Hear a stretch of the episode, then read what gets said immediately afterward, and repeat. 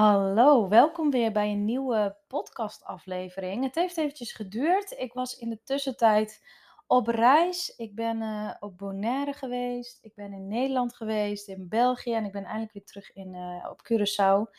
En ehm, heerlijk weer in mijn eigen stekkie. Eh, dus ik dacht, nou, nu kan ik vanuit rust weer lekker een podcast gaan opnemen. Ik was in Nederland en België voor VIP-dagen. Misschien heb je het wel gezien op mijn Instagram. Superleuke reels ook. Eventjes uh, om te delen wat ik precies heb gedaan. En nu dus weer terug. En ik zat net te kijken in mijn, ja, hoe noem je dat? Anchor-account van Spotify, waar ik dus de podcast in opneem. En ik zag, ik heb nog maar vier gedeeld, maar ik zag al 227 uh, keer geluisterd. Dus nou, dankjewel. Ik ben helemaal al wauw. Want ja, het is nog maar een klein iets. Maar ja, ik, heb gewoon maar, ik ben gewoon maar begonnen. Dus uh, direct al een leuke les voor mij. Gewoon maar doen. En uh, je leert tijdens het proces. Dus um, nou, dat is direct al een leuke tip. Anyway, um, ik kreeg een hele leuke vraag vanuit Insta Instagram. Uh, en ja, je weet natuurlijk al waar de podcast over gaat, want ik ga de titel natuurlijk al delen. Maar het gaat over kwetsbaarheid en vooral over de kracht van kwetsbaar, kwetsbaar durven zijn om je doelen te gaan behalen. En hoe kwam ik daar nou bij? Um, ik kreeg een poosje geleden een, een, berichtje en dat was naar aanleiding van een, van een story die ik had gedeeld over mijn eigen reis naar authenticiteit. ik krijg namelijk best vaak te horen dat ik heel authentiek ben. Uh, super mooi compliment. En ik deelde dus dat in die stories, dat ik dat eigenlijk niet altijd ben geweest.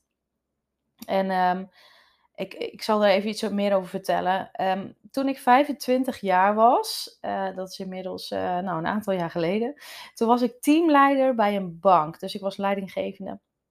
En ik ben altijd heel erg vurig geweest, een heel vurig persoon.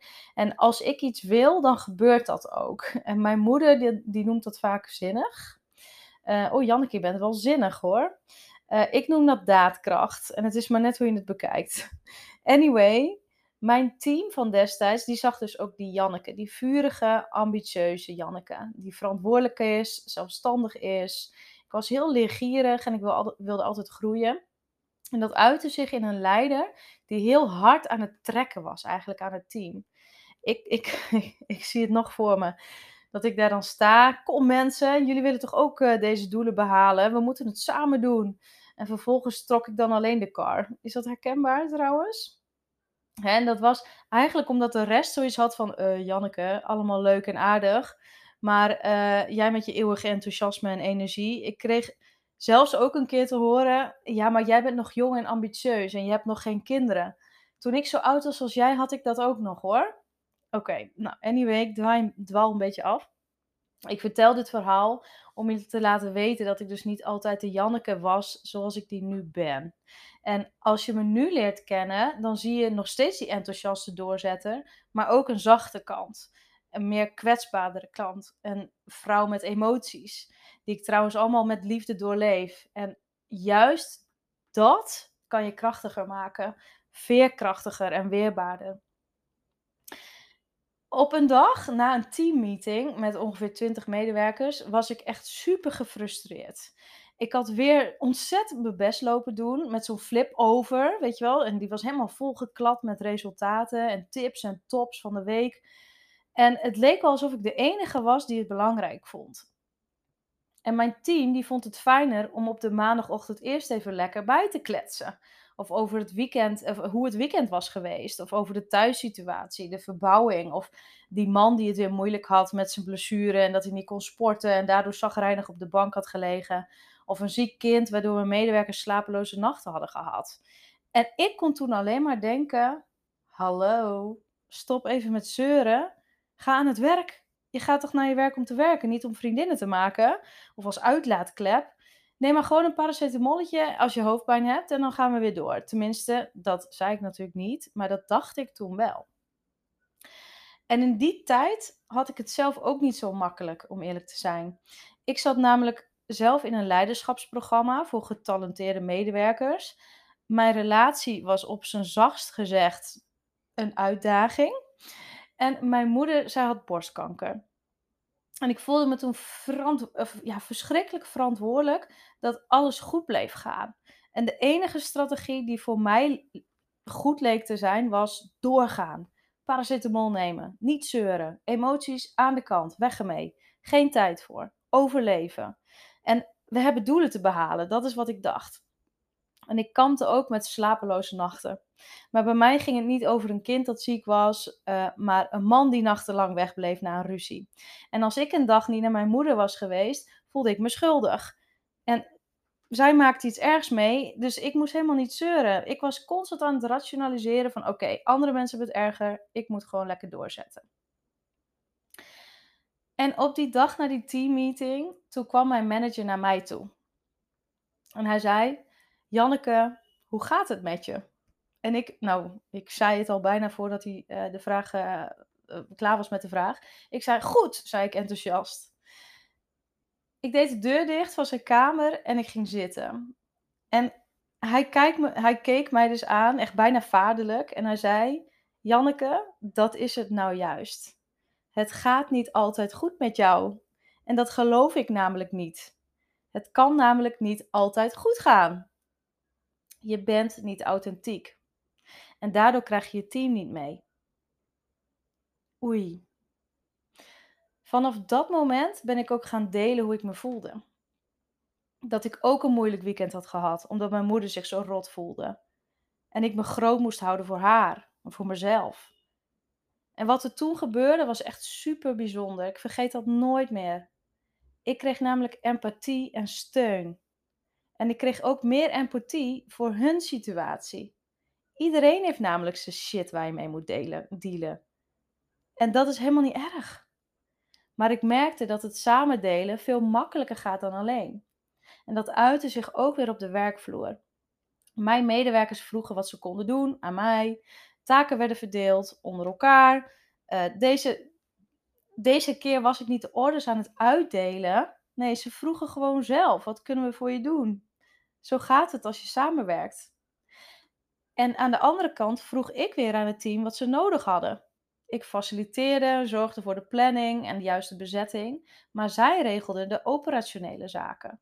Er kwamen floor managers. Iedereen kreeg een verantwoordelijkheid bij uh, de kwaliteiten die bij hun pasten. Ik begon iedereen als een uniek, mooi en authentiek persoon te zien. Het was echt een prachtige ervaring toen in die functie als teamleider. En dat was voor mij de start van mijn eigen authentieke ik te laten zien vanuit kwetsbaarheid. Want als je dat durft te doen, dan durven anderen ook hun kwetsbaarheden met jou te delen. En als iemand dat heeft gedaan, vraag dan zo nu en dan nog even terug: hey, hoe is het met je? En dan bedoel ik: hoe is het nu echt? Vraag een keer door en laat dan even een stilte vallen. Dat doen we trouwens ook heel vaak als coach. Functionele stilte heet dat. Zodat mensen nog even extra tijd hebben om na te denken en hun, hun, ja, eigenlijk hun brein actief moeten aanzetten om tot een antwoord te komen. Die ander krijgt dus de ruimte om ook echt de diepte in te gaan. Met oppervlakkigheden is het juist moeilijker om hechte en diepgaande relaties op te bouwen. Zowel in je privé, maar ook zakelijk. En of je nu leidinggevende bent of zelfstandige zonder personeel, je hebt altijd te maken met emoties van jezelf en van anderen. Sterker nog, je eigen emoties negeren of alleen mee blijven gaan, mee blijven hangen, en ja, ze laten hangen, kan je eigenlijk super lang volhouden, jaren zelfs. Ik ken zelfs mensen die het een hele leven lang volhouden. Maar de vraag is wel of je dan je volste potentieel benut om oprechte en diepgaande verbindingen met anderen aan te gaan. En juist die authenticiteit die ik vroeger niet liet zien, is nu mijn allergrootste kracht. Door het delen van mijn kwetsbaarheden. En even een side note hoor, ik bepaal zelf met welke mensen ik dat wil delen. Maak ik dus oprechte vriendschappen en ook zakelijke relaties. Het geeft mij kracht en steun dat ik het niet alleen hoef te doen. In dit leven niet, in het ondernemerschap niet dat ik ook een mens mag zijn. Een vrouw met emoties, stemmingen door hormonen of gewoon door verdriet of blijdschap. Alles mag er zijn. Jij mag er zijn. Ga hier maar eens een keertje mee oefenen. Probeer eens een keer je kwetsbaarheid te tonen aan andere mensen. Puur om ook die verbinding aan te gaan. En als je met een team werkt, of met andere mensen een bepaald doel wil bereiken, gooi dan die kwetsbaarheid er maar een keertje in. Ik had het uh, laatst nog met, ja, dat was gisteren, met uh, mijn assistent. Ik, um, ik had een, um, een, uh, een afspraak gemaakt met een, met een klant. En um, ik kwam in één keer in een, in een, in een nou, nare emotie. Dat ik dacht, oh god, straks gaat het niet goed. straks is die klant niet tevreden. en dat kwam voort, dat weet ik, uit, een, uit een, een, een eerdere gebeurtenis. Dus het had eigenlijk niks te maken met de situatie. Um, maar wat er dus bij mij gebeurde, doordat ik dus een beetje angstig werd, wilde ik meer controle hebben. En toen dacht ik, nee, dat is niet handig, want dan gaat mijn assistent denken van, waar ben je nou mee bezig, Janneke? Dit is mijn taak. Dus ik heb dat open met haar gedeeld. Van, ik, ik voel nu een beetje spanning, een beetje angst. Ik ben angstig dat het weer gebeurt, zoals toen. En toen ja, stelde ze me gerust, ja, gerust, stelde ze me gelukkig ook gerust dat dat, uh, dat, dat toen, uh, waardoor die situatie toen gebeurde, dat, dat lag ook niet per se aan, aan mij of onze ehm, ja, effort. Maar dat met wat anders te maken. Maar het triggerde dus wel een negatieve emotie bij mij. Anyway, ik ben super blij dat ik dus toch over, die, ja, over een bepaalde lijn heen stap om me kwetsbaar te durven op te stellen, zodat zij mij ook op de juiste manier kan begeleiden. Wat zij daarna heeft gedaan, is, uh, hebben we samen even besproken van oké, zullen we dan dit stukje nog even iets verder aanscherpen, nog iets verder verduidelijken, zodat jij ook een goed gevoel hebt dat je die klant op die beste manier helpt. Nou, uiteindelijk is het helemaal goed gekomen. Um, nou, dat is ook maar een voorbeeldje. Dus dat heeft niets te maken met een medewerker, maar wel met een teamlid, een extern teamlid. Um, zo kan het ook zijn met uh, bijvoorbeeld iemand die jouw social media beheert. En je hebt daar ja, toch uh, een bepaald gevoel bij. Of uh, misschien wel met een klant waarvan je denkt: oh, daar krijg ik altijd een beetje de kriebels van. Of hè, daar zit toch iets waardoor het me irriteert of whatever, belemmert om eigenlijk die klant goed te helpen. Leg het eens een keer op tafel. We zijn allemaal gewoon mensen. En juist door je kwetsbaar op te stellen en dat op tafel te gooien, wat het met je doet. En uh, je emoties dus uh, iets meer prijsgeven, uh, krijg je dus verbinding. En krijg, gaan mensen het gevoel hebben van, oh ja, jij bent gewoon een persoon en ik heb empathie voor jou. Nou, dat was wat ik heel graag wilde delen met je in deze podcast. Uh, ik hoop dat ik je ermee geïnspireerd heb. Als jij het leuk vindt, mag je mij altijd een berichtje sturen op Instagram. Je kan mij vinden uh, op uh, Janneke-Ananias. En um, ja, ik hoop je te, een volgende keer te zien. Heb je een keer inspiratie nodig of heb je een tip waar je iets over wil horen vanuit mij? Stel gerust je vraag, dan maak ik er een podcast over. Oké, ik ga weer verder. Fijne dag. Geniet van je dag. Ik weet niet wat je aan het doen bent.